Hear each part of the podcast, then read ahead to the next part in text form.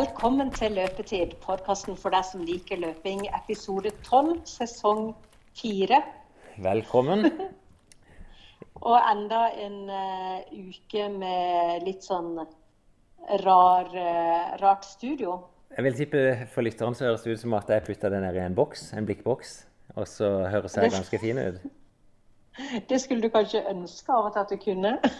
Nei, nå har jeg deg inn på en sånn JBL-spiker. Eh, jeg ringte deg jo bare opp via Messenger, og så sitter du og Du sa du sa du amma, gjorde du ikke det?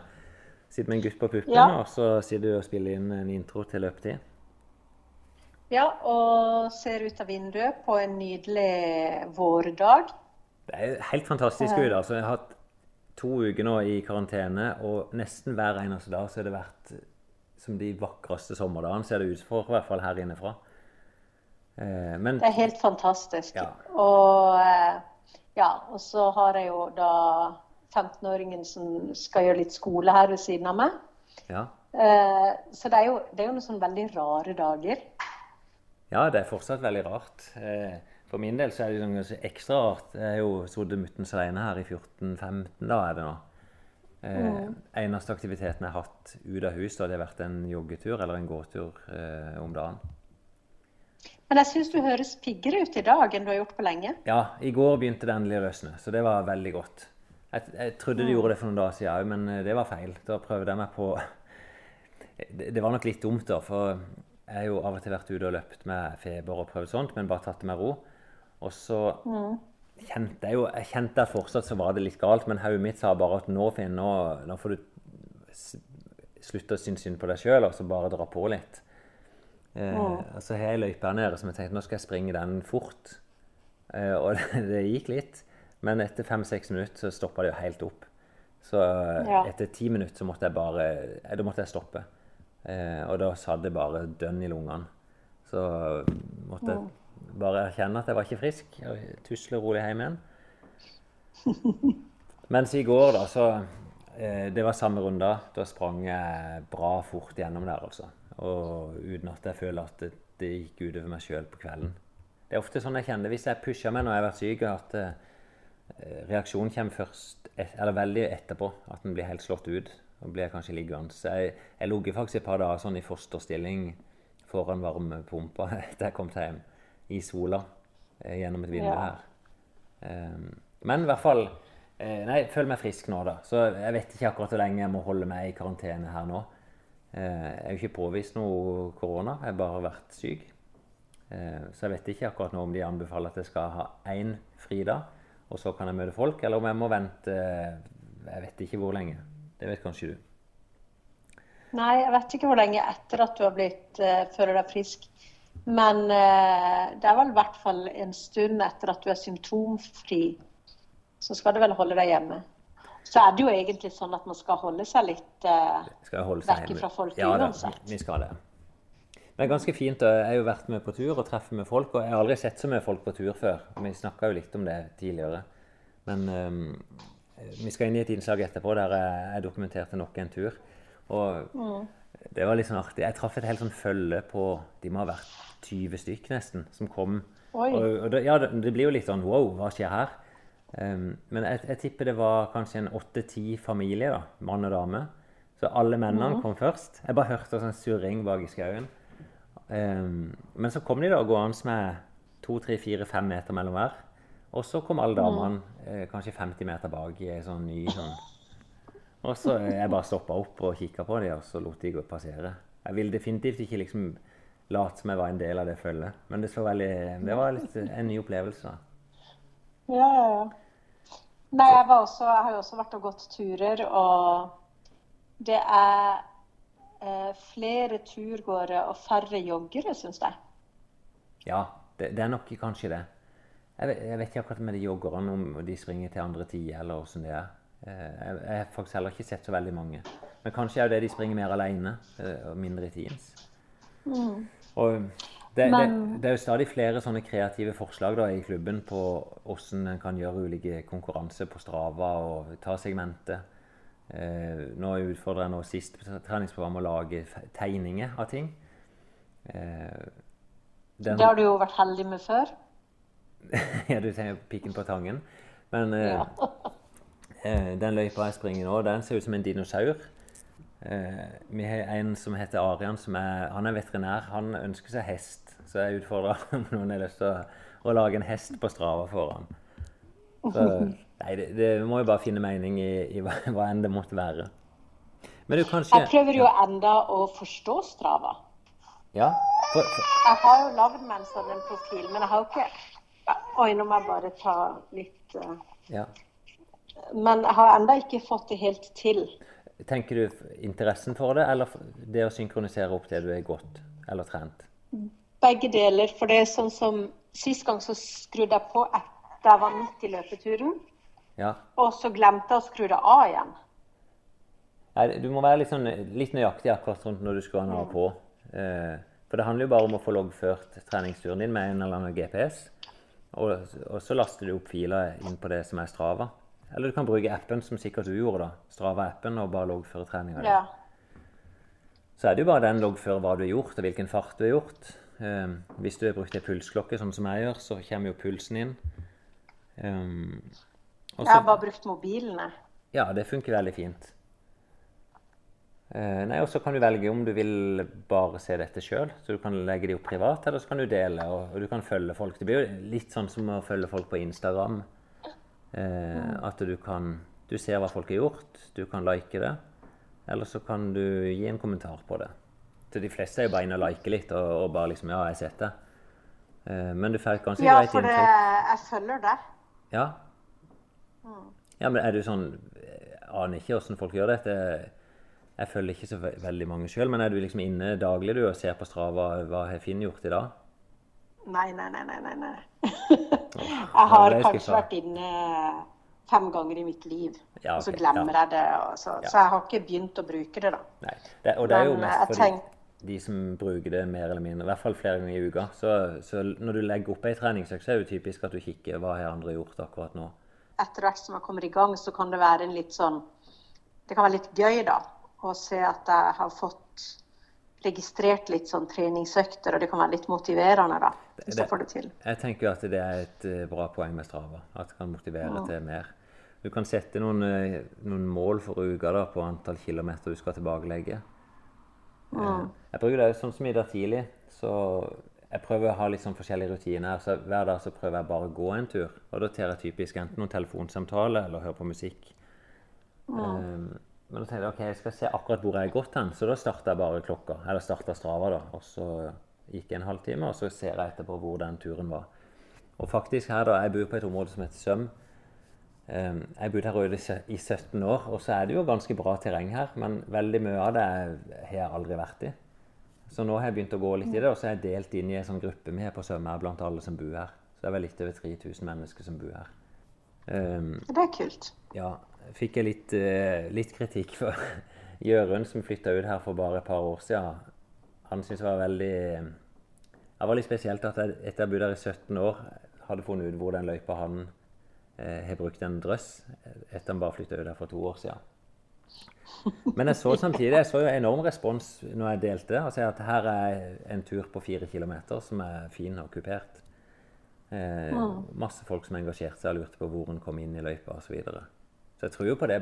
Altså, En skal ikke være redd for å dele med folk. og Hvis folk ikke bryr seg, så, så bryr de seg jo ikke. Så, Jeg har lyst til å finne litt nye løyper, men jeg er jo avhengig av å kunne bruke med vogn.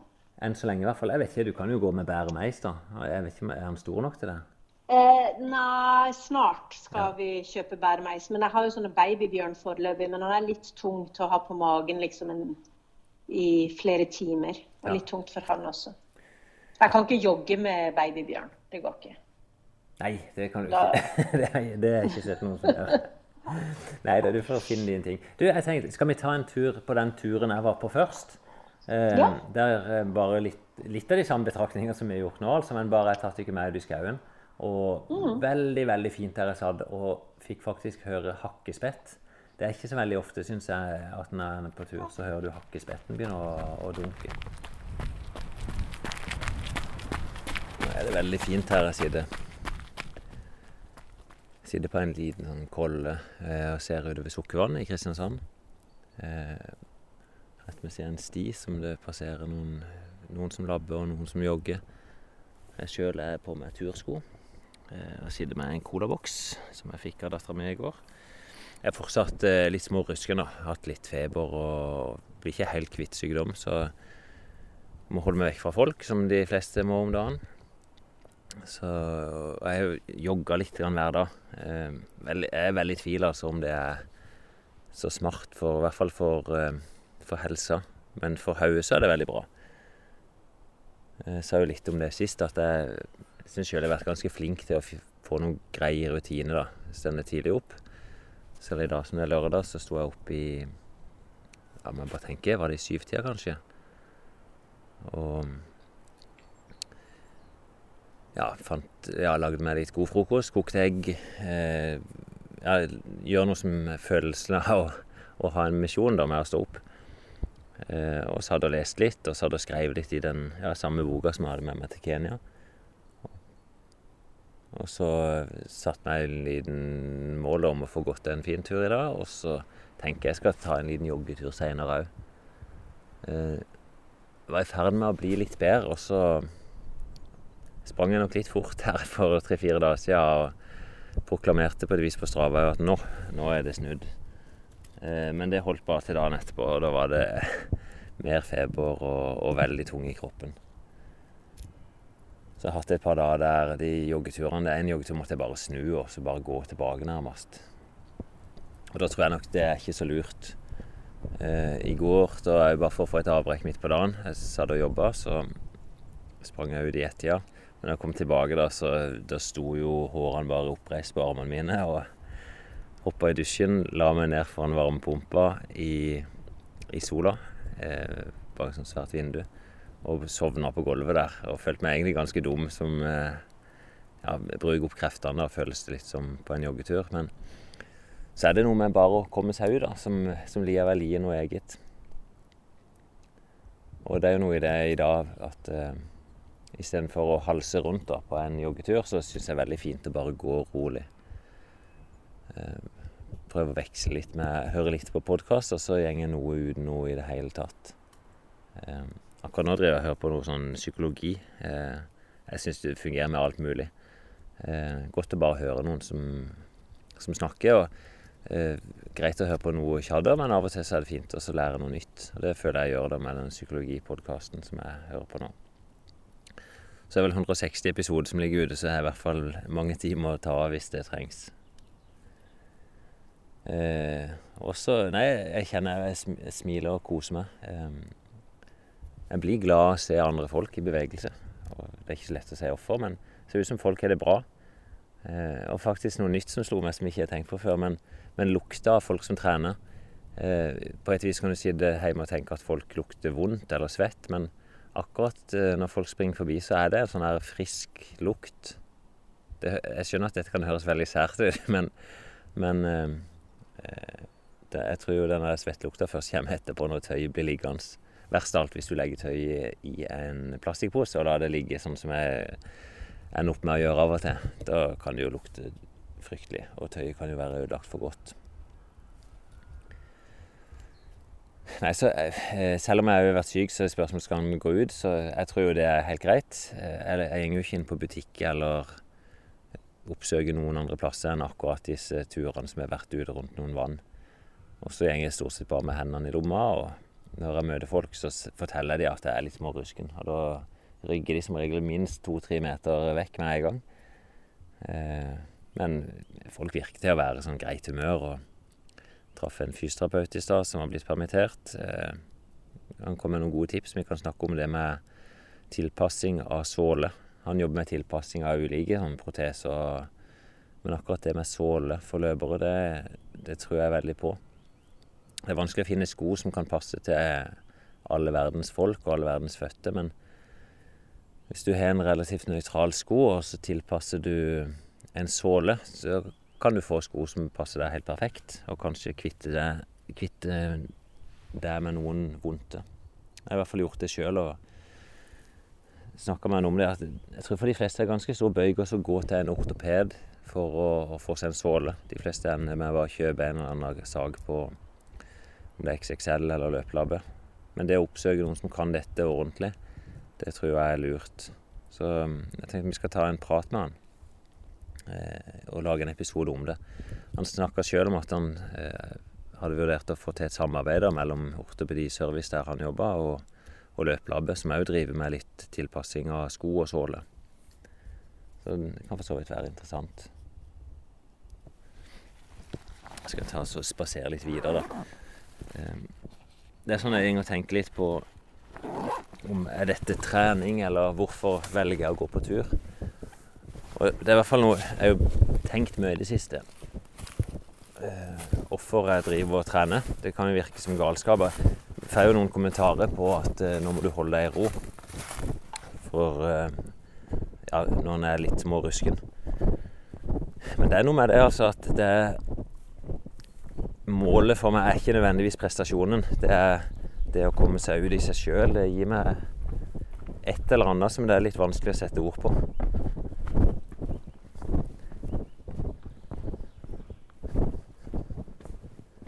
Om det er en sånn frihetsfølelse. Det, det er forbausende få av de øktene jeg gjør da, som er harde. og Jeg snakka med Joakim i går. og vi snakka om intervalløkter. Han er nok litt mer prestasjonsdrevet enn det jeg er. Eh, han har, han har vært, eh, ja, vært veldig uheldig da, med starten på året. Og er i ferd med å miste motivasjonen litt. Eh, og visste ikke om hvis ikke han klarer å perse i år, så vet han ikke om han bare liksom vil legge hele sesongen på hylla. Men nå er han i gang, da. Og den første intervalløkta var rett ned på banen for å få målbar, ei målbar løype. Og for han så trenger han kanskje det. Eh, for min del så er det nok motsatt at uh, jeg liker best å bare være i trening. Uh, ikke er sånn veldig avhengig av å se prestasjonen til slutt, men, men jeg, jeg, skjønner jo det at det ligger et sånn mål å drive med baki der òg. Men jeg liker nok heller å springe intervallet på plasser der ikke det er så nøye målt. Jeg trenger ikke ha de svarene fra økt til økt. Hei sann. Hei.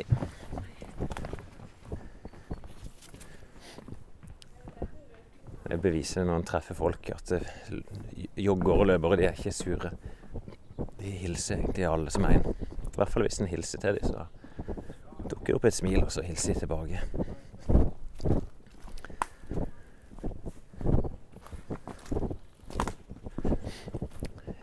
Nei, vi er jo, vi har gått nesten tre måneder dette året, og jeg tror jeg har hatt seks intervalløkter, altså seks harde økter i hele år. Ellers har det bare vært eh, Jeg vil nesten kalle det jogging, altså. Det er opplevelsen av at jeg kan prate og, og synes at turen er fin. Og så ser jeg når jeg har hatt intervalløktene at eh, fordi jeg har gjort så mye av det, så, så blir jeg veldig god likevel.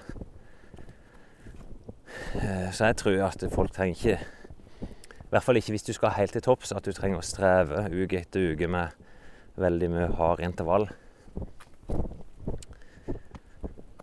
Men det er noe med fellesskapet, og det ser jeg jo, det savner jeg litt. Å, å møte på ei fellesøkt.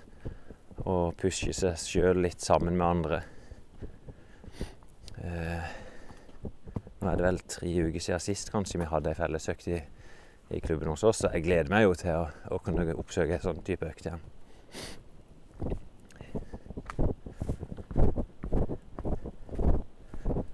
Nå labber jeg bare rolig gjennom skauen her jeg hører jo på meg sjøl at fortsatt er det sånn at pusten kommer veldig fort.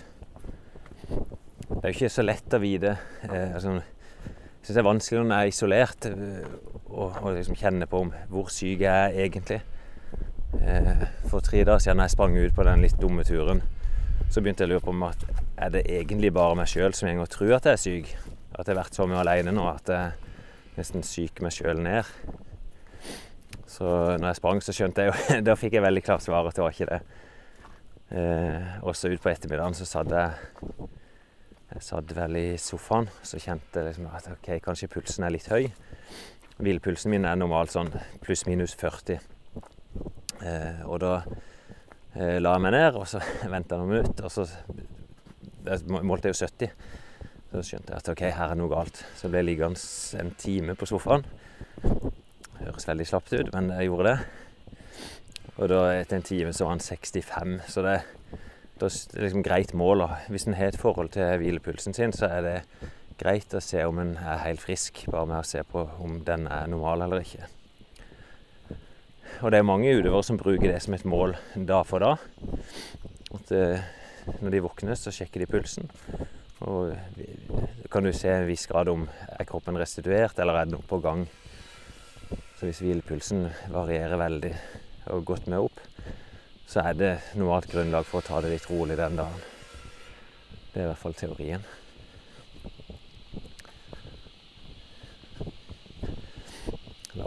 Akkurat sånn i grenselandet opp mot noen hus. Dere hører kanskje ei sag som surrer her oppe. Den løypegjengen, da, det er veldig sånn kupert med røtter og steiner, sånn som det er mye av terrenget her nede på Sørlandet. Det er liksom ikke de der fine grusveiene som er lange og flate. Jeg synes, Hvis en skal gå på tur, så er det veldig fint. Hvis en springer her, så syns jeg nok det kan være litt knudrete. Så det er ikke så ofte jeg springer akkurat på en sånn type sti sjøl. Selv om faktisk jeg har vært syk nå, så har jeg valgt mer sånne, sånn type terreng. Det er lettere å holde farta nede og heller bare koble ut med å, å springe liksom teknisk. Det kan være litt gøy. Og det er fascinerende å se de som kan dette, særlig orienteringsløpere, er helt fenomenale da, til å springe fort ned steinete og, og bakker som er glatte og sleipe. Jeg har løpt en del skogsløp. og Når en springer sammen med de orienteringsløperne, så kan du bli helt målløs når de kaster seg utfor de bratteste kneikene.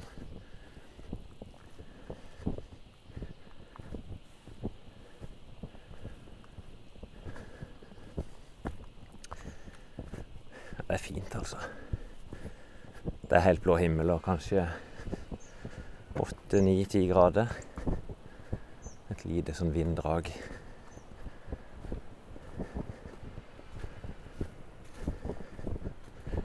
Jeg tror på gåinga som trening i seg sjøl òg. Vi har snakka om det før.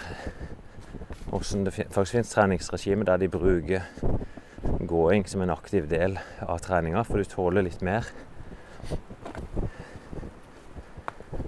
Jeg pleier å si ofte at en kilometer, om du har gått den eller løpt den, så gir det mer eller mindre den samme belastninga. Bare det, det, å gå til mye lengre tid, da. Så hvis du skal få god effekt på å gå, så må du gå veldig lenge.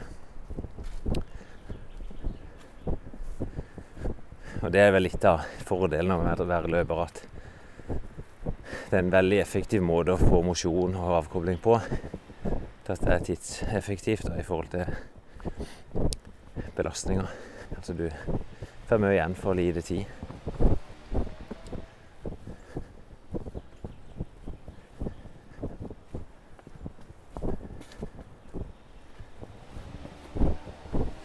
Det er tydelig at det er tida for skogsarbeid, i hvert fall. Det har vært tørt i mange dager her nå. Ser de melder hele neste uke er bare fint vær. Så til å være sånn koronatid så er vi jo ekstremt heldige da, at dette ikke er november og bare har en mørk vinter foran oss. Men nå blir ting lysere og lysere da for da.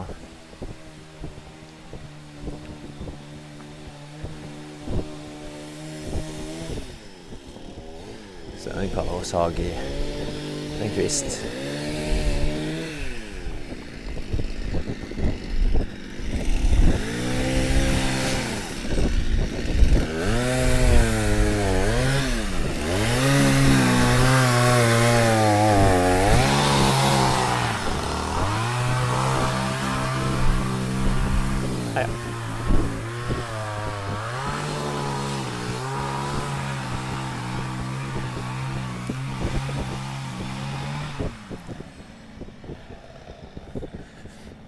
en kar som drev og rydda litt kvist. Det er veldig sånn fascinerende å se mange folk som fikser opp i disse gang og ja, disse stiene rundt forbi. Eh, rundt lysløypa der som eh, ofte springer nå, der er det noen som har laget en sti nå på jeg tenker Lysløypa er vel tre kilometer, så de lager en sti som er ca. fem. Snaut fem som egentlig bare gjenger på kryss og tvers i terrenget rundt.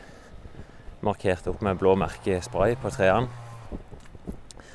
Eh, og når folk først har begynt å bruke det, så er det eh, plutselig mye gøyere å springe der.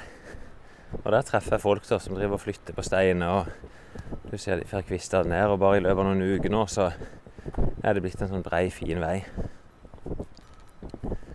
Så hvis det er noen som har muligheten for det i sitt nærområde, så er det absolutt noe å anbefale. Som regel så er det en del tråkk rundt lysløypene.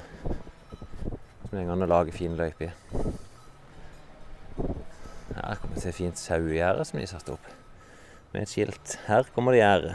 Dere må fortsatt bare bruke stien. Vi lager gjerdeklyv for dere. Så hyggelig melding, da. Sauer på beite. De er veldig snille. Husk båndtvang. Selv om hunden din er snill, den også. Det var en hyggelig måte å ønske velkommen inn på. Jeg du ikke hører det. Det er noen sauer på beite. Jeg syns det er veldig koselig.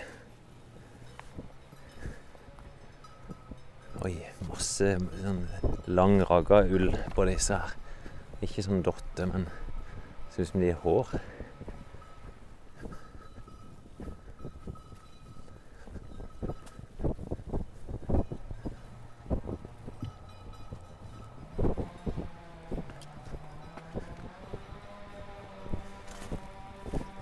Det går aggressivt til verks baki der med saga. Jeg kommer ikke til å høre det. Nei, jeg skal fortsatt nyte denne dagen. Det jeg gjorde nå, da, jeg kombinerer litt eh, Jeg har jo ei mor som eh, hun er, er campingvogn på en plass som ikke er så langt ifra der jeg bor. Men da går jeg rundt dette vannet. Og så meldte jeg litt med henne i stad om, om hun skulle ut der. Så da møter jeg henne på litt sånn trygg avstand der ute. Hun er jo veldig redd for å bli smitta av noen sykdom, for hun jobber i helsevesenet. Da sitter vi bare på hver sin side av et bord og så deler en kaffe, og så labber jeg videre. Men det er i hvert fall et mål med turen. Så går det vel kanskje jeg vet ikke, to og en halv, tre timer for å komme bort, og så kanskje en time hjem derfra. Så det blir en veldig fin tur, dette her. Nei, jeg håper dere en fin dag videre, dere òg.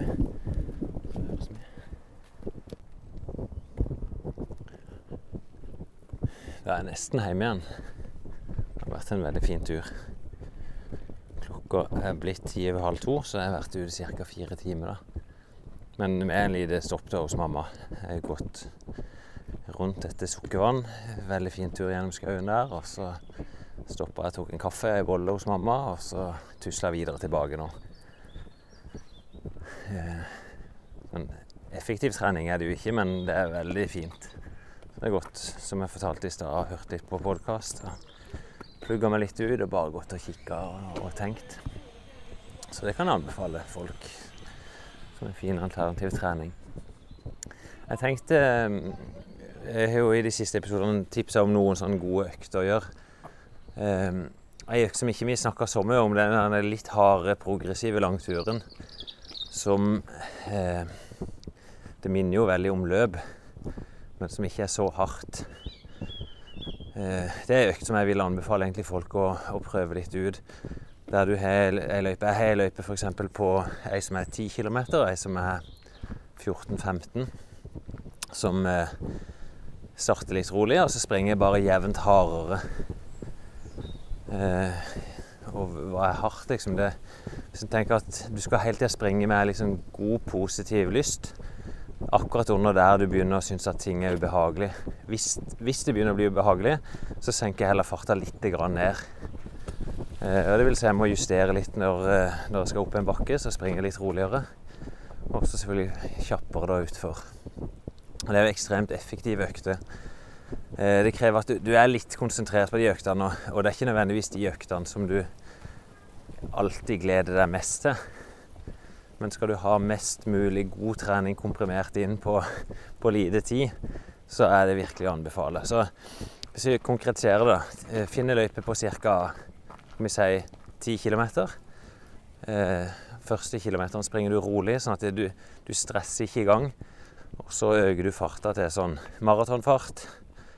Og så kanskje gradvis glir du ned i sånn halvmaratonfart. Eh, og så er det jo litt forskjellig hvor lang tid folk bruker, men Hvis du springer 40-50-60 minutter i god fart, så har du ei fantastisk god økt. Eh, det er sånn typisk økt du kan ha hver uke. Eh, det er jo et visst element av test i det òg, så du kan bruke det som en sånn test på å se om du har jevn, god framgang. Eh, det som jeg gjorde en periode når jeg har vært på vei mot maraton, da springer jeg ned det er vel halvannen-to kilometer ned til et sted. Bare rolig, så blir jeg god og varm, og så springer jeg den runden. Da blir det ca. 11 km i litt sånn småkupert terreng på asfalt. og så stopper jeg samme plass igjen. Og da får du en god pekepinn på om ting funker. Eh, så er det jo selvfølgelig ikke, det er ikke 100 målbart mot hverandre, for du vet ikke alltid hvor hardt tok jeg i da kontra forrige gang. Men det gir en veldig god pekepinn. Da har jeg bare siste bakken opp her igjen. En bratt bakke på 40 meter, så tilbake. Hadde med meg to cola.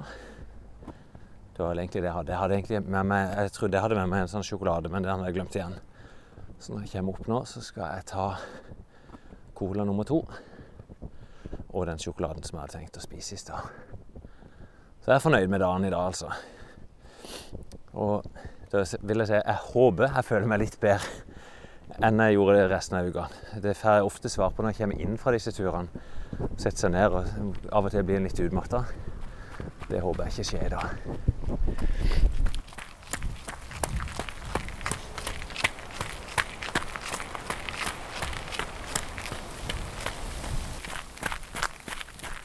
Ja, Finn, som eh, progressiv eh, treningsøkt Det var vel kanskje det som sto litt om i den der artikkelen som var om løping, hvor han Øystein Sylta mente at det var bare å gunne på hvis man skulle bli flink. Ja, stemmer. Nå måtte jeg koble litt om her. For eh, du har lest i Det var vel opprinnelig Aftenposten som skrev en artikkel.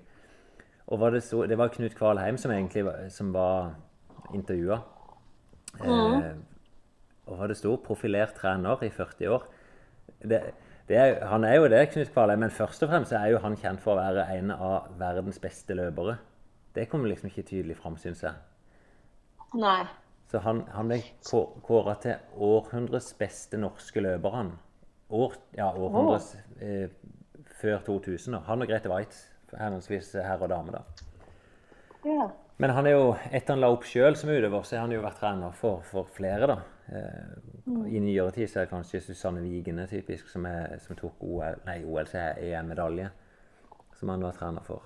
Han har vært ute med noen sånne tips. Og så var det bekrefta litt av Øystein Sylta, som òg eh, er det, ja, i hvert fall forsker på trening. Han jobber på Olympiatoppen og jobber på universitetet. Som støtter litt opp om det samme, og sammen med Leif Inge Kjelta. Men litt av basisen i Knuts trening eh, det var ganske sånn rått. Han hadde ei økt én gang i uka der han sprang én time hardt. Og én mm. time hardt Det er jo nesten definisjonen på terskeltrening. Altså så hardt du kan en time. Mm. Um, akkurat de turene var de, de, var ikke sånn kjempeprogressive. Jeg har jo snakka med meg Knut om disse turene, og han sa det var ganske brutalt. Det var, det var ei økt som han måtte konsentrere seg om og, og dreiv og forberedte seg inn i huset før han skulle ut på dem. Men det som jeg syns er veldig viktig å kommunisere ut, og som jeg kanskje syns ikke kommer så godt fram nå, når du sier liksom at han er en av liksom sånne beste løperne, og sånn, så, så, er det sånn at man leser en sånn artikkel og tenker OK, da er det det jeg skal gjøre. Men ja. da kommer jo det poenget som du sier så mye, at går man ut så hardt, så holder man ikke ut så lenge. Nei. Eh, og de fleste som jobber og har barn og liv ved siden av det å løpe, de kan jo ikke ha den disiplinen da, på å trene så ekstremt hardt som det, det virker som man skal i den artikkelen der, da. Ja, Hadde du inntrykk fra artikkelen at han skulle trene hardt? Ja, jeg syns det virka som ja. det var ganske sånn eh, blodslit. ja, og at det var det som skulle til for å bli flink, da. Ja, jeg må bare se Jeg sitter jo ikke med artikkelen foran meg her, altså, men eh, jeg kjenner jo Knut godt, og jeg diskuterte enormt med trening. og jeg, jeg, bruker jo ofte et sitat som han har i mine foredrag om trening. Mm. Um, han sier jo veldig sånn enkelt Skal du trene lite, tren hardt. skal du bli god, tren mye. Mm. Um, det er vel litt det som lå i, i kjernen der. at det, Skal du bli virkelig god, så må du faktisk trene ganske mye. Og da snakker de om, som et minimum at du springer mellom 15 og 16 mil i uka. Mm. Uh, og han har jo lite tro på disse professorene oppe i Trondheim som kjører bare ja, anbefalinger på fire ganger fire minutter. At det blir veldig spinkelt hvis du skal bli veldig god. Ja. Men, men det er ja, for det kommer tydelig fram, og det syns jeg jo er viktig. For det fire ganger fire har jo nesten blitt fremstilt som sånn der vidundermedisin. det, det er jo det, de, det er ren markedsføring. Det, og de har de holdt på med det i hvert fall i 15 år. Um, men jeg syns det, det er både interessant og vanskelig akkurat det å rådgi folk som skal starte opp med trening, om hvor mye og hvor hardt. For vi vet hva som er mest effektivt. Uh, og, og ja, det er mer effektivt å trene hardt, men problemet er jo at det går utover motivasjon. Og du øker risikoen for skade. Så det er jo en sånn fin balanse om Egentlig det første spørsmålet du alltid må stille, er jo hvorfor trener du? Hva er målet med treninga di? Er det for det mentale? Er det for å komme i bedre form eh, på minst mulig tid? Eller handler det om å ha en fin opplevelse mens du trimmer? Eh, og i hvert fall for min del så er opplevelsen, altså veien på vei til målet, den er minst like viktig som selve målet. Det er ikke så farlig om en springer maraton på 2.37 eller 2 eller 3.37. Men det er jo det å ha det fint på den veien, og, og kan trives med det. Ja, og jeg tenker at eh, alt, det er ikke alltid et poeng å bli så sinnssykt god, da. Men det å komme seg ut på de øktene og trene og holde seg i form, er for de fleste av oss det aller, aller viktigste. Ja, det er det. Ja, så er det nok sånn, Mange av de som starter opp, de har jo et mål med dette og ønsker nok å få mest mulig igjen for innsatsen de legger ned. da. Og Vi har jo egentlig et godt eksempel med Tommy, som vi har fulgt nå et år. At eh, han, han legger jo ned ganske bra jobb. og han, Det er jo ikke sånn at han har lyst å presse seg og pushe seg og ikke få noe igjen for det. Så han òg ønsker jo mest mulig effekt av den jobben. Og Ja, og der kom det jo fram noe veldig morsomt. Du sa at du hadde hatt en, en samtale med Tommy nå. Ja, jeg skal, veldig morsomt. Eh, Han, var jo, han hører jo òg på flere podkaster, bl.a. har han hørt nå på I det lange løp, der de intervjua Henrik Ingebrigtsen. Og Der har de ofte hatt en sånn ukas økt, og Henrik anbefalte ti ganger 1000 med en arbeidsinnsats som var liksom, ja, typisk halv maratonfart rundt anaerob terskel. Litt i, litt i underkant av det. Um, og Tommy valgte å prøve den ut. Og det som var litt sånn artig, var nærmest hans eh, tanke rundt at eh, dette var noe nytt. Det å redusere farta litt og, og øke volumet. Så føler jo jeg som trener at det er bare det budskapet jeg har sagt. Ta det litt roligere, spring litt lengre. Eh, og vi er jo hver lørdag så er jo nede på Strøm og springer intervalløkter. Tommy har jo valgt typisk seks drag, ganske hardt. Eh, mens vi prøver å få de til å heller springe ti litt roligere. Og det er i praksis det han gjorde nå, da. Eh, men ja, og opplevelsen hans var jo veldig god. Og vi hadde jo testa han og, og fikk bekrefta at testen stemmer veldig bra. Vi, vi fant jo en terskelfart der på 4,25 på kilometeren, og nå lå han og dunka sånn typisk fra 4, rett i overkant av 4,30 ned mot 4,25 på kilometeren. Eh, og hadde en veldig fin opplevelse av den treningsøkta. Så, men vi må jo inn og høre, kan vi ikke det? Så jeg Ja, snakka litt med Tommy i, forkant, eller i etterkant, som jo er oppsummert litt, og så går vi inn i økta. Ja, god dag til deg. Og du, du er på farta, var det sånn at du skulle på trening? Ja, jeg fant ut at uh, vi måtte ha en tur i skogen nå på kvelden, så jeg har tromma sammen to andre karer. Så da blir det en rolig tur i, i uh, Løvåsen i kveld. Ja, er og er det for når du ikke skal springe rundt i terrenget der oppe? Stitur. Stitur. Ja, men så hyggelig, da. Du, jeg tenkte, du, du har sendt noen filer til meg som um, jeg tenkte bare hadde lyst, til å ta med inn. Og, altså filer som i lyd, lydklipp fra ei treningsøkt du hadde. Og så sa, ja, så sa du akkurat for å søke deg opp på Strava òg. Jeg hørte jo hva du beskrev, men kan, kan ikke du fortelle litt um, den økta som du var ute og gjorde nå på lørdag, som altså var i går? Ja. Da var du inspirert. Nei, altså. Ja, jeg var litt inspirert. Jeg hadde hørt på, hørt på I det lange løp-podkasten med Henrik Ingebrigtsen. og Da anbefalte han en 10 ganger 1000-økt som type en god økt i, å ha i løpet av uka. Så tenkte jeg det høres jo gøy ut, det kan vi jo prøve. Ja. Det var egentlig bakgrunnen for, for at jeg tenkte å dra ut på den økta. Um, jeg pleier jo normalt sett å springe seks ganger 1000 eller åtte ganger 1000 på de øktene der. Mm. Jeg vet det. eh, Det er jo den økta du valgte som Henrik anbefaler, det er vel kanskje verdens mest klassiske økt for en langdistanseløper. Eh, og så, sånn sett, Det er jo fascinerende at du måtte helt til det vente helt på Henrik Ingebrigtsen før du prøvde den ut. Men er det første, er, det første gang du har gjort den økta? Jeg, tror jeg har løpt ti runder på, på strømøkta tidligere. Eh, noen ganger. Men, men, ikke sånn, men da har det aldri vært noen tanke bak det. Um, denne gangen så, tenkt, så hadde jeg en plan for farta og intensiteten. Ja. Det, eh, det som jeg syns var litt interessant, for vi hadde jo en terskeltest på det for noen få uker siden. der vi så at anaerob terskel lå på 4,25 på kilometeren. Eh, og så Når du gikk inn i den økta, så hadde du litt sånn Jeg vil kanskje kalle det litt defensive tanker i forhold til fart. Men eh, Vi skal jo høre det etterpå. Men du, du starter med å si at du har tenkt å springe 4,45-fart. Eh, ja. Og det var, det var, litt fordi at på podkasten som jeg hørte på, så sa de eh, spring litt saktere enn 10 km-farta di nærmere halvmaratonfart. Ja. ja, selvfølgelig. Da, jeg, da, da, da, skal vi løpe litt saktere enn en terskel. Ja, ja det, det, er egentlig ei terskeløkt normalt som de regner det der. Så, men eh, det var ikke det som skjedde. For jeg ser jo, når jeg sitter og ser på økta nå, så ser jeg jo snittet ditt er, Det stemmer overraskende godt med den terskeltesten vi gjorde. Det ser i hvert fall ut som du har løpt på ca. anaerob terskel. Starta litt bak, og så har gått gjennom.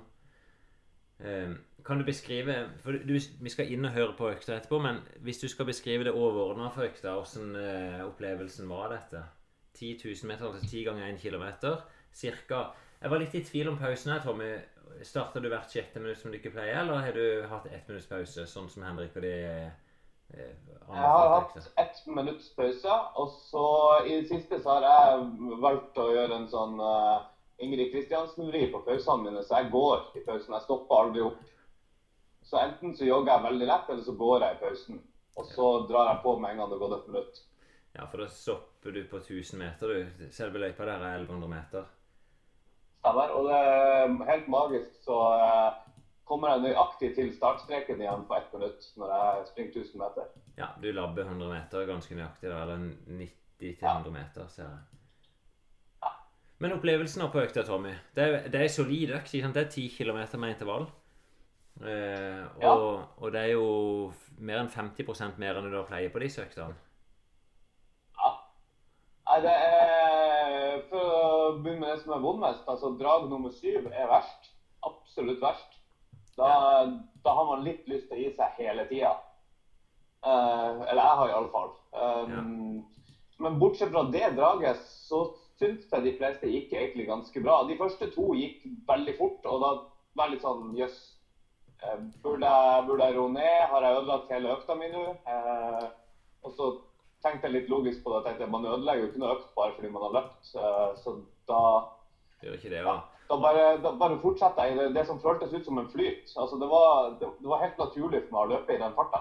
Ja, det som jeg ser på Stravaen din, er at de første to gikk på 4,30 på kilometeren og 4,29. Eh, ja. Som fortsatt er bak terskelfarta di.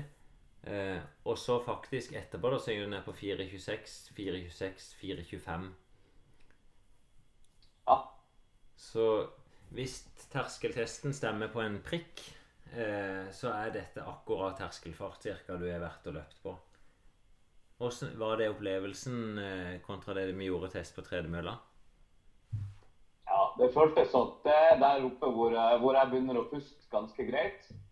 Eh, og så eh, fikk jeg bekreftelse fra klokka mi, som kunne bekrefte med 158 slag stort sett var det hver gang jeg kom, eh, kom i mål etter en kilometer. Og det er jo nøyaktig terskelpulsen min. Så. Ja. Ja. nei, alt stemmer sånn sett med, med testen som vi gjorde. Det er ja, så, ja, jeg syns jo det er litt gøy å få bekrefta for din del òg. Og så er det jo bare å få bekrefta om den type trening om det gir de resultatene som du ønsker. Men det er tross alt en økt som blir brukt nesten over hele verden. Det er vel den eh, jeg refererer mest til hvis jeg sier hva er det som kjennetegner en sånn felles intervalløkt over hele kloden, så er det akkurat den økta du har gjort der. Den gjør Mo Farah, den gjør Henrik Ingebrigtsen, den gjør Tommy Rasmussen. Ikke sant? Så det er bra du Ja, altså, gjennomførte det, ti det. Og... det, det er jo det er jo tung økt, da. Sånn, altså, jeg hadde ikke vært i form til å gjøre den sånn helt i mars for et år siden. Så, så du må jo du, du må jo stort sett ha løpt litt før det begynner å bli greit å gjøre den økta der. Det som er med den økta, at han blir tung fordi han er lang. At det er ti kilometer. Ikke fordi at du nødvendigvis springer deg stiv på det. Jeg ser jo at du har holdt veldig jevn fart hele veien. Eh, Du har vel en variasjon på totalt syv sekunder er det meste du har variert. Altså Jeg tror det kjappeste draget ditt har gått på 4.25, og det seneste gått på 4.32. 4.33 tror jeg det sto. Men ja, Ja. sånn cirka det. Eh, Da begynner å bli veldig på håret her nå, så begynner å, å klage på ett sekund for en kilo. Ja, ja, men det et sekund er et sekund. Ja, på stravaen din så er det 4.32, da. Så eh, Men eh, vel blåst mye. Du er i god trening om dagen. Det er godt å se. Eh, du er på vei ut nå, sa du òg, og skal bare ut på en stitur. Hvor mange kilometer har du gjort denne uka, da? Nei, I denne uka her så har jeg vel så langt gjort uh, 71. Eh, veldig bra. Du ligger jevnt høyt uh, uke for uke nå, gjør du ikke det? Jo, jeg prøver å ligge plass rundt 8 til 10, tenker jeg. Ja. Åtte til ti mil i uka. Det er jo veldig bra. Ja. Så jeg nå fikk jeg akkurat eh, Kai Rune inn i bilen på siden her, så nå eh, da Ikke at det lukta av han, men nå lukta det løp her, så det, det er deilig. Det lukter løp. Ja, jeg synes eh, Kai er en av de som eh, ikke er redd for å tre på seg ei brukt supertrøye på treningsøkt nummer to. Så han kan, Absolutt ikke. han, det er kan, ikke jeg heller, så det går fint. Det er to nordlendinger som skal ut på tur. Du Tommy, dere må bare kose dere, og så skal vi gå inn og så høre hvordan du har hatt det på den treningsøkta. Det er et hyggelig innslag på en eh, lørdag formiddag i koronatida. Da er det lørdagsmorgen. Jeg har en eh, plan om å få gjort unna ei eh, litt uh, grei økt nå. Jeg er på vei til Strømme, der vi normalt sett har eh, har uh, intervaller på lørdagene. Jeg vet ikke om noen som kommer dit. Det har egentlig ikke så mye å si. Men um, jeg skal da kjøre ei økt som jeg har hørt mye om i det siste, og som jeg har grubla på hvordan den føles ut. Og det er rett og slett ti ganger 1000. Eh, Jeg har jo flere ganger løpt på strømme, og da har jeg stort sett løpt nesten det jeg kan. Nå springer jeg i sånn litt over eh, 10 km fart for min del. Og så eh, Ja. Pleier jeg å ta seks til åtte drag, alt etter hvordan jeg føler meg. Men denne gangen skal jeg sette ned farta bitte litt. Og så skal jeg rett og slett ligge på halvmaratonfarta mi. Og jeg vet ikke helt hva den er akkurat nå, men jeg tenker at jeg skal prøve å ligge på 4.45. Nå løper jeg halvmaraton på 5.05 i høst, men jeg føler meg egentlig ganske mye bedre form nå, så jeg tenker 4.45 høres grei ut. Da springer jeg ca. 20 sekunder senere på kilometeren enn det jeg pleier på den økta der. Og så eh, skal jeg prøve å få gjort unna ti gode drag der, da. Akkurat i dag sitter ungene mine hjemme uh, alene. Så de er ti og syv, men de klarer seg fint sjøl, de. Har ikke merka at jeg har vært her til nå i dag, så jeg tenker at det går fint en time til. Jeg har jo telefonen med, så alt det skal gå bra.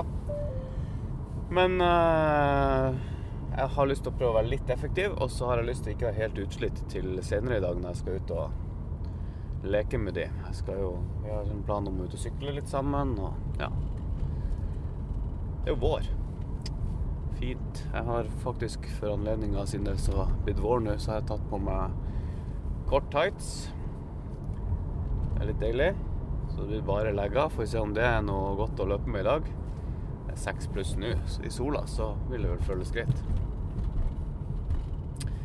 Så eh, Men ja. Ti ganger 1000. Den eh, økta har jeg både hørt eh, på i det lange løpet at eh, Henrik Ingebrigtsen har snakka om. Så har de snakka litt om det på, i det lange løp også, eh, som er, det er en veldig bra podkast. Altså, eh, som om den økta tidligere. Så har jeg hørt eh, en annen podkast som jeg ikke husker navnet på nå akkurat i øyeblikket. Men den, eh, der har de også snakka om den økta. Så det, ikke, er jo ikke noe magi. Det er jo om man springer 7000 meter eller 13 000 meter. Det, altså, det nøyaktige tallet har ikke noe å si, tenker jeg. Greit å ligge litt på. Få en god økt. Det er vel det som er det viktigste. Spesielt nå når vi ikke Ikke noen av oss som trener mot et spesifikt løp akkurat nå. Så um, ja. Skal komme ned på strømmen nå. Så gjør jeg meg klar. Tar en liten runde oppvarming først. OK. Jeg får varme opp i hvert fall. Og så ser det ut som det dukker opp litt, litt andre folk her. Så det er litt sånn koronabrifing her. Hold avstand, hold til sida osv. Så, videre. så får vi se hvordan det blir med, med løpeøkta for de fleste her. Kjennes egentlig ganske greit i beina, så nå gleder jeg meg litt til å komme i gang. Skal prøve å få uh, sagt hei til podden her i løpet av løpeøkta også. Det var fem har jeg hatt fem stykker i akkurat 4.30-fart, eller rett rundt der. Jeg tok meg et ekstra minutt pause, så skal jeg gå på med fem til. Egentlig så går det litt fortere enn planlagt, da. Men dette er jo nøyaktig den farta som Finn målte seg fram til skulle være terskelfarta mi. Så kanskje ikke er så galt allikevel. Jeg ser pulsen ligger nøyaktig på terskelen når jeg springer. Det er gøy. OK, kjør på med noen til. Sånn. Det var ti stykk. Og så er jeg ganske fornøyd, fordi samtlige ble mellom 4.25 og 4.31 eller 4.32, rett rundt der. Så det er ikke så mange sekunder som slingrer på de 10 1000-meterne. Så nå skal jeg få gått litt ned. Jeg tror ikke jeg gidder å jogge engang. Og så skal jeg rett og slett komme hjem, få en dusj, og så kan dagen starte.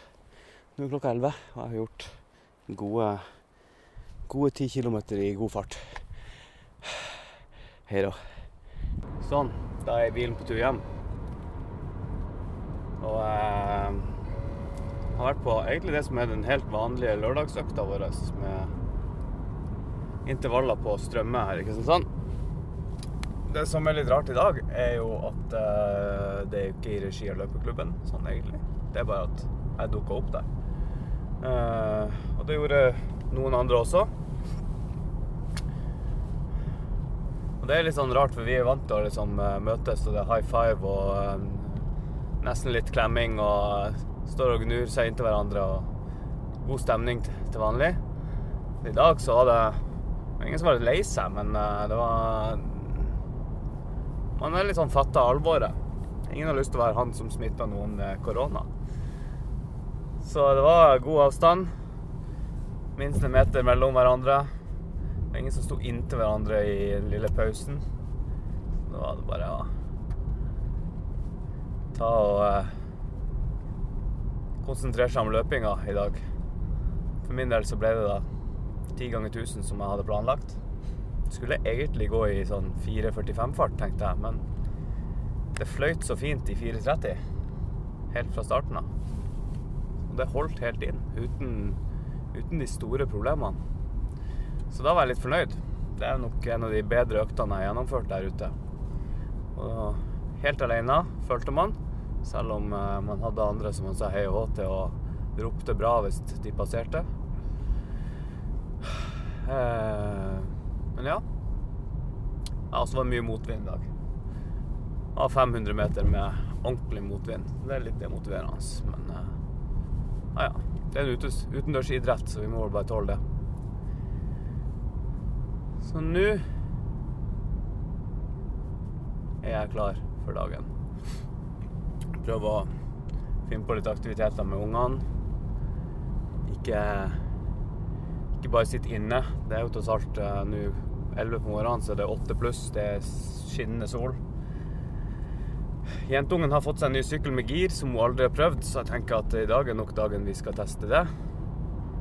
Så har jeg lova henne en Oreo-sjokolade, så da får jeg vel kjøpe det. Håper dere får løpt det her ute også. Det er jo eh,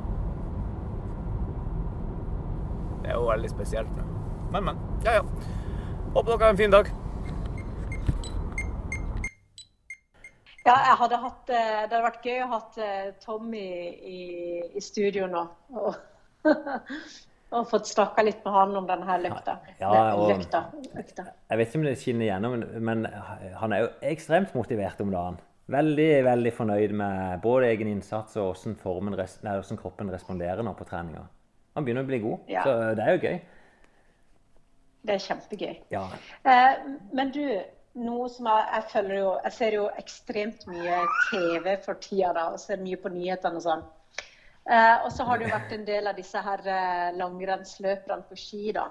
ja, Som har gått i både 19 timer og jeg vet ikke, ja. Eh, som har tatt sånn der eh, ekstremdrag. Og så var jeg ute og gikk med ei venninne, og hun fortalte at eh, hun kjenner en som skal løpe ett maraton om dagen i 100 dager. Mm. Og eh, så var det i går, da, så var det en jeg lurer på om han var fra Olympiatoppen, en lege, som snakka om dette her med det å bryte kroppen ned. Ja, var ikke det Lars Eh. Engebretsen, tror jeg, fra Olympiatoppen samme? Ja, og det at vi faktisk er i en litt sånn spesiell tid nå. Det er jo en grunn til at vi er så mye hjemme. Det er jo en grunn til at man har så mange timer å bruke på trening. Er jo grunn at vi faktisk skal prøve å holde oss friske. Eh, har du tenkt noe over dette? ja. Jeg, jeg, har jo ikke lyst til å bli noen sånn koronaekspert. Eh, men først vi må snakke litt om disse eh, Det er jo prestasjoner de har gjort i skiløperen. da, at Det begynte vel med at det var Anders Aukland og Joar Tele som gikk ja, De gikk en drøss av mil, i hvert fall. Var det rett over 30 mil, noe sånt, på ski? Og Jeg vet ikke, det var helt vilt. det var kanskje han, Hans Christer Holund lurer jeg på, som starta det, og så gikk de lengre. Og så var det enda en kar da, som, som var litt mer ukjent, som, som skulle prøve å sette verdensrekord i å gå lengst mulig på et døgn. Og mens han holdt på med det, så starta jo Aukland-gutta igjen på et sånt, og, og gikk jo noe helt vanvittig med kilometer, ja. Ehm, det viser vel bare når toppidrettsutøvere blir fratatt muligheten til å konkurrere, så finner de i hvert fall andre måter å gjøre det på. Så er det jo spørsmålet om, om dette er dumt. Altså, jeg sitter jo ikke med inntrykket at vi sitter i karantene bare for at vi sjøl ikke skal bli syke. Det er jo for at ikke vi skal smitte eh, kan vi kalle det eldre folk eller folk i risiko. Eh, De her toppidrettsutøverne de lever jo ganske isolert, og de lever jo nesten i karantene på et vis hele tida. Eh, jeg har fulgt mange av de, og de, de har ganske strengt regime på både håndhygiene og, og sosial kontakt. Og de er jo veldig mye isolert, så jeg tror ikke akkurat det utgjør noe, det utgjør ikke noe risiko i seg sjøl. Eh, det er tydelig at de er friske hvis de kan gå et døgn i strekk på ski. Eh, og så er det jo spørsmålet det med redusert immunforsvar. Det, det er jo folk som kan svare mye bedre enn det på meg, enn jeg, bedre enn meg på det. Eh, jeg, les, jeg skumleste bare over den, den saken, og jeg så vel at legen òg der som uttalte seg, han sa at teoretisk sett så kan immunforsvaret reduseres når du har tatt det helt ut. Eh, og det er jo det en forteller litt sjøl, at eh, du er mer utsatt da når du er nedkjørt. Men jeg vet ikke mye det utgjør. Og om disse gutta likevel er så trent, lever så sunt, hviler så mye at immunforsvaret likevel er bra nok, aner ikke. Eh, Men det er jo Men jeg tenker jo at kanskje i hvert fall ikke vi helt vanlige folk skal begynne Nei. på sånne eh, eh, mesterstykker. Nei. Nei, en kan jo alltid spørre seg sjøl hvorfor en gjør ting. Eh, Jeg skal ikke være den som dømmer noen i hvert fall fra at de prøver å utfordre seg sjøl. Det er jo en form for inspirasjon, det. Eh, Når du sa en som skulle springe 100 maraton eh, på 100 dager, er jo selvfølgelig ekstremt.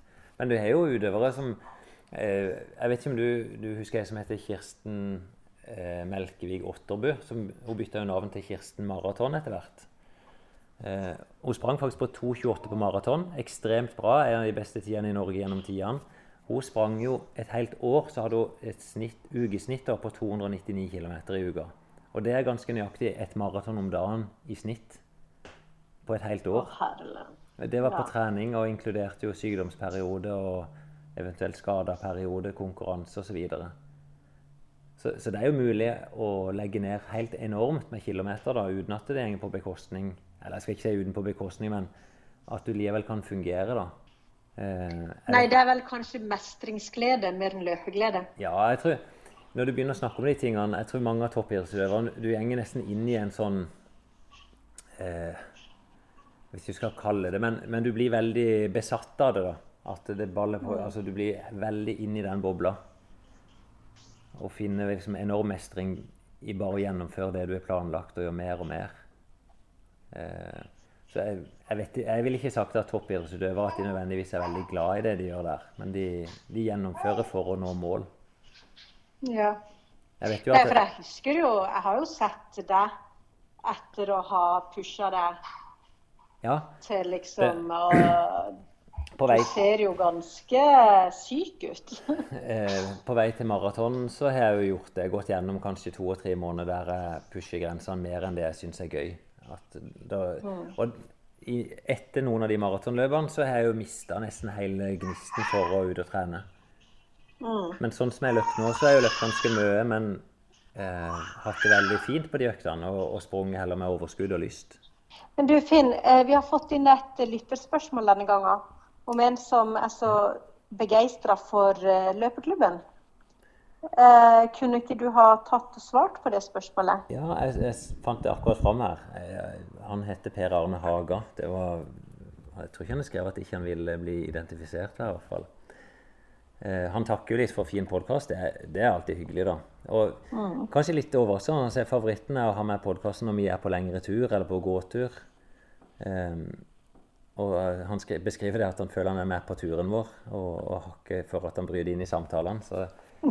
Men det er jo litt sånn vi har tenkt. Også, Ulempen er selvfølgelig at vi har veldig dårlig lyd av og til. Spesielt når, en- hvis en springer i sludd, slaps og nær trafikk. Det, vi har ikke noen veldig god løsning altså på det. Men eh, det er jo hyggelig å høre at folk setter pris på det. Vi så jo eksempel på det i går òg, der jeg ringte deg opp mens jeg sprang. Eh, og så ville du nesten Ja. ikke snakke. Ja, du ville ikke snakke med meg etter hvert, for du syntes det bråkte. sånn. Eh, mens når vi og Joakim har vært ute og løpt, så eh, Når begge bråker, så er det noe annet. Da er det greit. Ja. Så ja, ja. Det var nesten umulig å høre hva du sa i går. ja, jeg vet det. Og jeg har løpt litt med sånne Apple AirPods, eh, og de er veldig følsomme når det kommer vind på dem. Så hvis det blir litt motvind, så er det nesten håpløst. Og så er det noe jeg merker, jeg springer ofte med lue for å holde de litt fast. Og etter ca. 20-30 minutter så er jeg så svett at da begynner det å renne svette over det, og da kan det bli mye støy for Joakim, eller den vi snakker med, da. Men skal vi se, han Per Arne, da. Litt skryt, takk skal du ha. Han beskriver sjøl at han eh, ja, han bor alene med to barn osv. Tilpasser turene. Eh, springer alene. Eh, men så er spørsmålet, ja, fascinert av løpeklubben. Der kom det du sa der. Hvordan få i gang noe så enk få i gang noe sånt enklest mulig. Um, ja, for Der han beskriver at det, er et langrennsmiljø, det er et terrengsykkelmiljø, men ikke noe løpsmiljø. Jeg vet ikke hvor han er fra, han her, altså. Friidretten er lagt ned. Eh, han springer litt på travbane osv. Av og til med vennene. Eh, så spør han fins det andre mulighet. Bakkeintervall er en mulighet. Åssen jeg ville gått fram, da. Um, jeg, vet ikke om det finnes noen sånn enkel fasitsvar. Jeg, jeg synes nok det som er gjort ned på Strømme, da, er et sånn godt eksempel på hvordan ting kan startes. Der eh, Jørund, som er en av, en av de som bare har deltatt i vårt miljø, han la bare ut i Facebook-gruppa vår og sa at eh, jeg springer intervall på Strømme hver lørdag klokka ti, og da gjør jeg dette. Så da sa han jeg sprang, springer fra seks til ti drag. Eh, runda er 1100 meter, og jeg starter hvert sjette minutt. Og så var det liksom fire som kom, og så kommer det åtte, og så kommer det 12 og 16, og plutselig så er det etablert 20-25 stykk. Det er nok sånn lav terskel-måten å, å, få ting i gang på, altså. Etablere ei lita eh, gruppe på Facebook. Jeg tror i hvert fall det er lurt å invitere de som er interessert. Og så aldri ha Jeg tror det er viktig at du må ikke gi folk dårlig samvittighet hvis ikke de kan komme en lørdag. Men at du heller alltid er glad for de som faktisk dukker opp. Så hvis en klarer det, å droppe alle sånne syrlige kommentarer om at eh, 'Hvor var du?' eller 'Jaså', nei, det blir vel bare meg aleine. Men, mm. men sette pris på hverandre. Eh, og det som jeg syns er fint i en sånn gruppe, da, det er ganske stor spredning i nivå på de lørdagsøktene der. Eh, noen springer runder på kanskje 3,5 minutter, mens andre bruker 5,5. Så blir det likevel sånn en glede seg over framgangen til folk. folk gratulerer hverandre med ei godt gjennomført økt. At det er ikke noe sånn at uh, prestasjonsjag i at uh, de beste liksom får applaus fordi de er så gode. Det er nesten tvert imot. Men hvordan var det du starta løpeklubben i Kristiansand? Det var Må jeg bare tenke tilbake i 2013. Da var vi ei gruppering med folk som hadde vi hadde litt andre mål enn det som var i friidrettsklubben i, i KIF friidrett, som det heter. da, Kristiansand idrettsforening. Mm. Der vi så særlig det å håndtere mosjon, at det var vanskelig i en friidrettsklubb. At det blir litt mye piggsko og, og splitshortser for de som driver ren friidrett. Og veldig sånn ungdomssatsing som gjorde at veldig mange av de som var glad i å løpe, ikke følte seg så velkommen. Eh, og så hadde vi lyst til å bygge litt flere arrangement og òg se på muligheten for å hjelpe de som virkelig satsa. Så vi hadde en gruppe mennesker som var interessert, og så satte vi oss sjøl noen mål. At eh, det var litt sånn, Vi skal ha det beste mosjonsmiljøet, vi skal ha de beste arrangementene, og vi skal være de som legger til rette for toppidrettssatsing. Mm. Og så starta vi opp og lagde en plan på hvor ofte vi skulle ha treninger. Så vi, vi etablerte bare fell, fast fellesøkt hver mandag klokka seks. Og det vi holdt på mm. sida da. Altså, alle visste alltid at det var nede på Akvarama. Så uansett når folk spør du kan jeg være med på trening, og så er det bare sånn Ja, kom mandag klokka seks. Og så har vi vært flinke, eller sånn relativt flinke da, at hver uke så legger vi ut en plan for hva vi skal trene. Og så når folk møter der, så bruker vi alltid fem minutter på å gi litt info om det som er verdt. Prøve å, å applaudere noen som har gjort det bra. Eh, så snakker vi om treninga denne uka, og eventuelt om løp og arrangement som vil komme framover. Jeg tror det er lurt. da. Og så pleier jeg å ha en minivariant. Vi varmer opp, og så der vi skal gjøre intervallen, så tar jeg sånn kort repetisjon. For det er noen som jogger direkte da, til der vi skal springe intervallen. Ja, så. sånn at nå har han eh, Nå ga du egentlig to tips.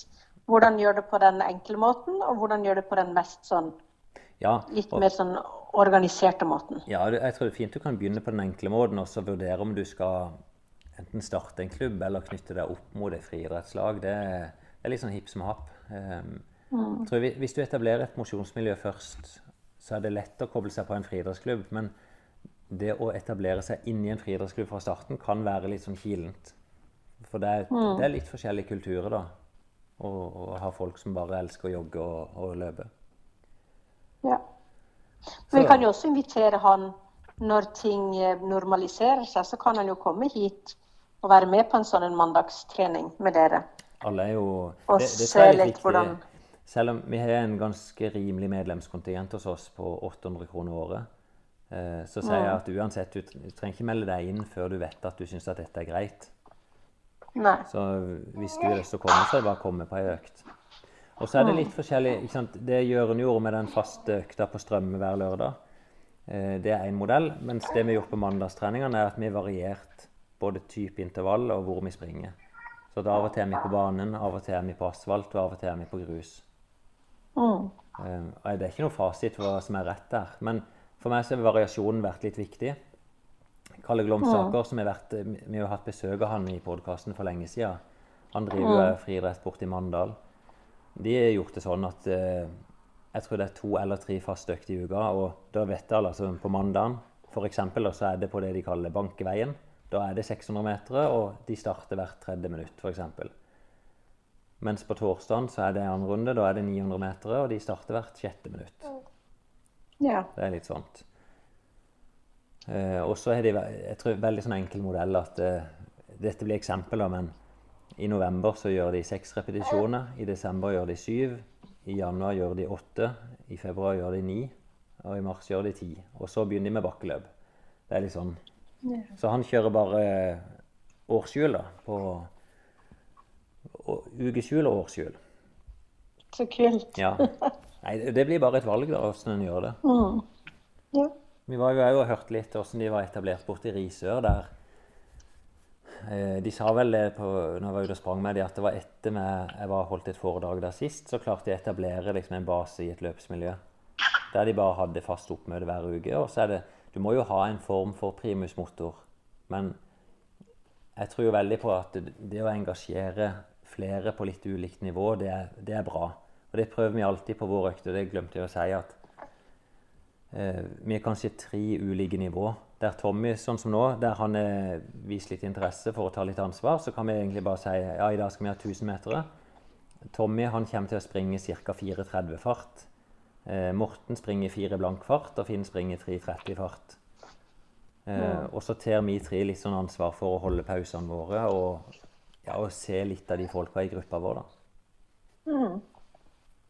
Ja, Så du ser det er litt ulike tilnærminger, da. Det er kult. Men du Finn, Ja, nå har jeg en her som begynner å synes at vi har spilt inn nok, tror jeg. Det kan være de som hører på òg syns at det blir nok. For det, nå har jeg prøvd eh, diverse metoder for å få han til å ikke gi lyd fra seg.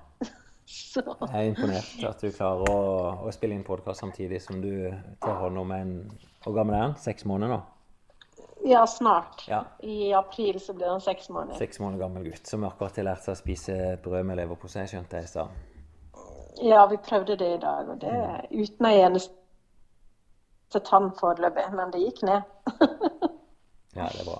Du, Så, men eh, skal vi bare si at det er å ta på seg joggesko? Jeg skal ut og løpe nå, tenkte jeg.